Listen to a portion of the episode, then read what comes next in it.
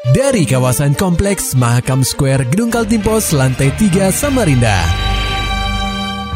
96,8 KPFM Kita akan ikuti program KP Flash News.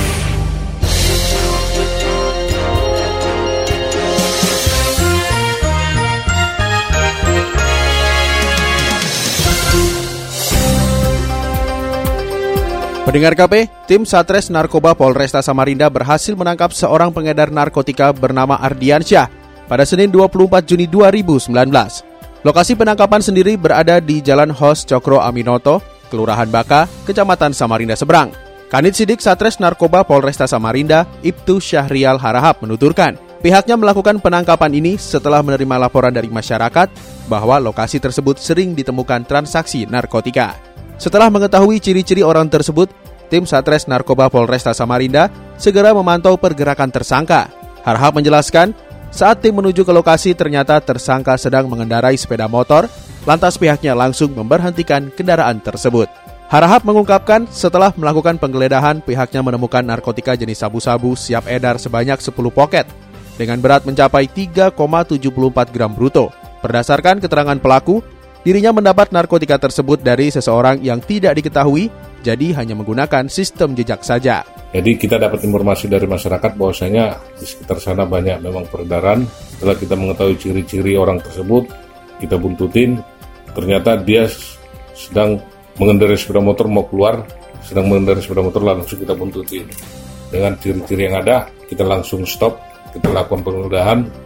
Ternyata di dalam tubuhnya itu kita temukan barang bukti narkotika jenis sabu sebanyak 10 poket yang sudah siap edar. Akibat perbuatannya, Ardiansyah akan diancam dengan pasal 112 dan 114 Undang-Undang Nomor 35 Tahun 2009 tentang penyalahgunaan narkotika dengan ancaman hukuman minimal 5 tahun penjara dan maksimal seumur hidup. Berita selanjutnya, Badan Narkotika Nasional Provinsi atau BNNP Kaltim menggelar kegiatan untuk memperingati Hari Anti Narkotika Internasional atau HANI di Gedung Olah Bebaya, Kompleks Kantor Gubernur Kaltim, Jalan Gajah Mada Samarinda, Rabu 26 Juni 2019.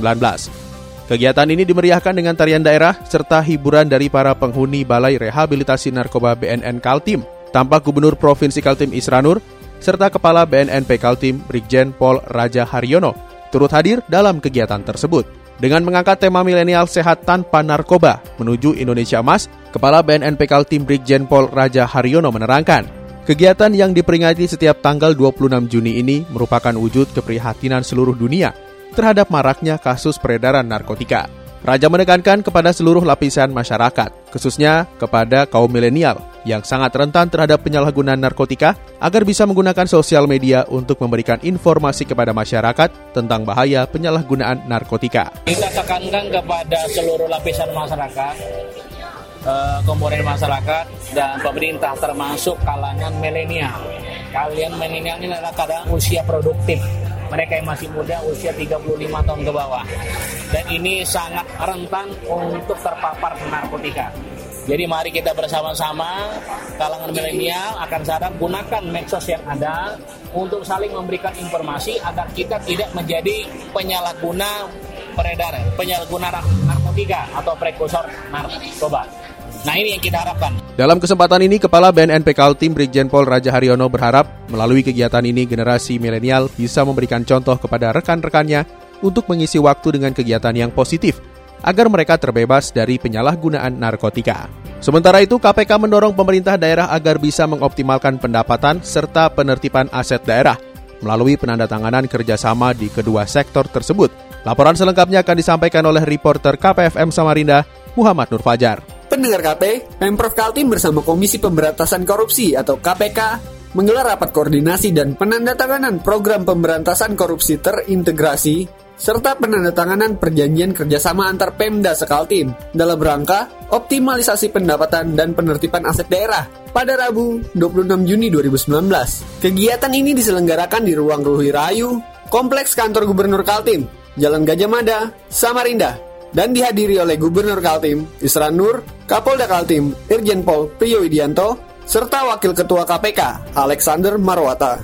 Ditemui saat konferensi pers, Wakil Ketua KPK RI, Alexander Marwata mengatakan, Fokus KPK di tahun 2019 sampai 2020 adalah bagaimana cara untuk mengoptimalisasi pendapatan daerah dan pengelolaan dalam manajemen aset daerah. Sebelumnya KPK sudah sering turun langsung ke lapangan dan banyak mendapati izin usaha pertambangan atau IUP yang statusnya non-clear and clean atau CNC serta tidak memiliki nomor pokok wajib pajak atau NPWP sehingga mereka tidak pernah membayar pajak ataupun royalti kepada pemerintah. Guna mengatasi hal tersebut, Alexander menjelaskan, KPK mengajak Direktorat Jenderal Pajak atau DJP untuk bekerja sama melihat IUP yang sudah diterbitkan oleh Pemprov maupun Pemkot agar pihaknya bisa memantau adakah perusahaan yang tidak memenuhi kewajibannya. Jika ada, maka pihaknya meminta IUP perusahaan tersebut dicabut eh, perusahaan-perusahaan yang mendapatkan NPWP tapi tidak memiliki NPWP. Praktis kalau perusahaan tidak punya NPWP, ya mereka hanya ngambil kekayaan alam tapi nggak pernah bayar pajak, nggak pernah bayar royalti dan seterusnya dan seterusnya. Itu yang makanya tadi kan ada dari Dirjen Pajak kita ajak kerjasama untuk uh, mari kita lihat apakah dari IUP-UP yang sudah diterbitkan oleh Pemprov maupun Pemda tingkat dua pada saat itu itu perusahaan-perusahaan tersebut membayar memenuhi kewajiban-kewajibannya ya kalau nggak memenuhi kewajibannya apalagi yang sudah tidak jelas statusnya ya sudah kita minta supaya uh, eh, IUP itu dicabut. Fokus kedua yang akan dilaksanakan oleh KPK dalam kerjasama ini adalah optimalisasi pengelolaan pajak daerah. Alexander mengungkapkan, di beberapa daerah, KPK telah mendorong agar pajak restoran dan pajak hiburan itu dilakukan secara online, melalui kerjasama antara pemerintah dengan Bank Pembangunan Daerah atau BPD. Menurut Alexander, Hal ini dilakukan agar setiap orang yang membayar di restoran, secara otomatis biaya pajaknya akan langsung masuk ke BPD, sehingga lebih bisa dipertanggungjawabkan. Terkait dengan masalah persoalan optimalisasi pajak daerah. Nah, tadi nggak disebutkan saya, saya nggak tahu apakah di Kaltim juga. Di beberapa daerah eh, kami mendorong agar pajak restoran, pajak hotel, pajak hiburan itu dilakukan secara online. Kita mendorong kerjasama pemerintah daerah baik kabupaten maupun provinsi untuk menjadi kerjasama dengan BPD setempat. Pembangunan daerah Kalimantan Timur Kalimantan Utara ya Alexander meyakini bahwa sistem online ini bisa dipertanggungjawabkan dan akuntabel, serta secara otomatis pajak daerah akan meningkat secara signifikan. KPFM Samarinda, Muhammad Nur Fajar melaporkan. Berita selanjutnya, usulan dana Pilwali Samarinda 75 miliar rupiah masih dikaji. Beritanya disampaikan oleh reporter KPFM Samarinda, Maulani Al-Amin. Pendengar KP, Sekretaris Kota Samarinda Sugeng Hairudin mengaku telah menerima usulan dana untuk hajatan Pilwali 2020 dari Komisi Pemilihan Umum atau KPU Samarinda sebesar 75 miliar rupiah. Hal ini diungkapnya saat ditemui KPFM Selasa 25 Juni 2019 di Balai Kota Samarinda, Jalan Kesuma Bangsa. Pemkot Samarinda akan menyertakan Badan Pemeriksa Keuangan atau BPKRI, Badan Kesatuan Bangsa dan Politik atau Kesbangpol, dan KPU Samarinda guna memverifikasi dana yang diusulkan. Sugeng menuturkan, dibutuhkan sejumlah strategi untuk mengakomodir besaran dana yang akan dikeluarkan, mengingat angka yang diajukan cukup tinggi. Iya, nanti strateginya karena itu besar, mungkin sebagian di perubahan, sebagian di Murni 2020 2020. Adapun besarnya nanti uh, akan diverifikasi bersama baik itu dari Kesbang maupun dari KPU-nya nanti plus kita minta uh, pendampingan dari BPKP. Hmm.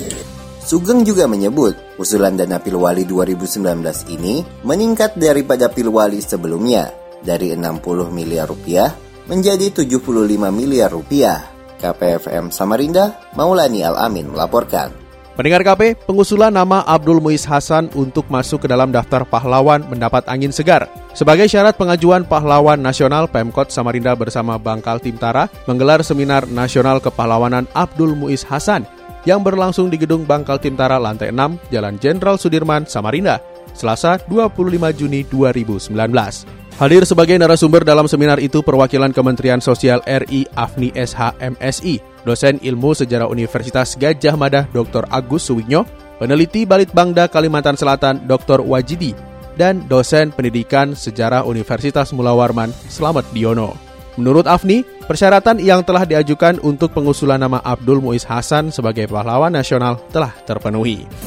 Kalau menurut persyaratan umum maupun khusus uh, untuk Abdul Muiz bisa diusulkan untuk persyaratan ya untuk perjuangannya maupun untuk uh, uh, kiprahnya ke instansi lain ke provinsi lain itu bisa bisa diusulkan untuk jadi pahlawan kalau untuk memenuhi syarat kok syarat tinggal nanti di dalam pengajuannya itu harus dijelaskan perjuangannya itu secara detail Sementara itu, anak ketiga Muiz Hasan, Taufik Sirajudin Muiz, mengungkapkan rasa terima kasih kepada Pemkot Samarinda dan Pemprov Kaltim lantaran ayahnya diusulkan sebagai pahlawan nasional.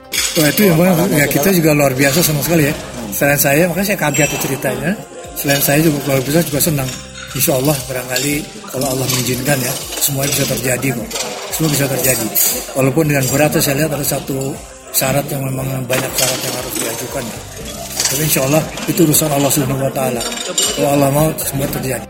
Mewakili Wali Kota Samarinda Sari Jaang dalam sambutannya, Sekretaris Kota Samarinda Sugeng Khairudin menyampaikan kalau proses ini sangat penting dalam pengajuan Abdul Muiz Hasan sebagai pahlawan nasional. Lantaran Provinsi Kalimantan Timur sampai saat ini belum mempunyai satupun pahlawan nasional. Beralih ke berita olahraga jelang perapon cabang olahraga golf yang akan berlangsung Juli nanti di Makassar, Pengprov Persatuan Golf Indonesia atau PGI Kaltim melakukan tiga tahapan seleksi untuk mencari atlet-atlet terbaik untuk tampil di ajang tersebut. Binpres Pengprov PGI Kaltim Abdul Kadir menjelaskan pihaknya akan melakukan seleksi atlet melalui hasil Polprov Kutim lalu, serta Kejurprov yang berlangsung di Bontang pada medio Juni 2019. Kejurprov yang akan mengambil 8 atlet putra dan 6 putri. Nantinya mereka akan kembali disaring untuk dijadikan 4 putra dan 3 putri sesuai kuota prapon Meski demikian, Pengprov memiliki hak 30% untuk menentukan atletnya yang akan tampil. Uh, Pengda juga punya peran untuk uh, menentukan tim yang ada di samping hasil seleksi itu. Oh, Karena oh. Eh, 30% masih Pengda itu masih punya hak untuk menentukan attitude ya, sikap dan sebagainya. Kita kan udah tahu kalau ada atlet yang kayak tidak mau diatur, misalnya kan sudah aturan koni begini, tidak mau diatur ya silahkan mundur kan kasarnya gitu. Oh gitu. Lebih jauh Kadir menjelaskan, nomor tanding pada Prapon nanti berkurang jika dibandingkan dengan PON tahun 2016 di Jawa Barat lalu. Dalam PON Jabar ada tujuh nomor, sementara di Prapon nanti hanya ada lima nomor, yakni perorangan putra dan putri, bergu putra-putri, serta mix foursome. Maulani Alamin, Muhammad Nur Fajar, KPFM Samarinda. Demikian tadi telah kita simak rangkaian berita-berita yang terangkum dalam program KP Flash News. Persembahan dari 96,8 KPFM. Terima kasih dan sampai jumpa.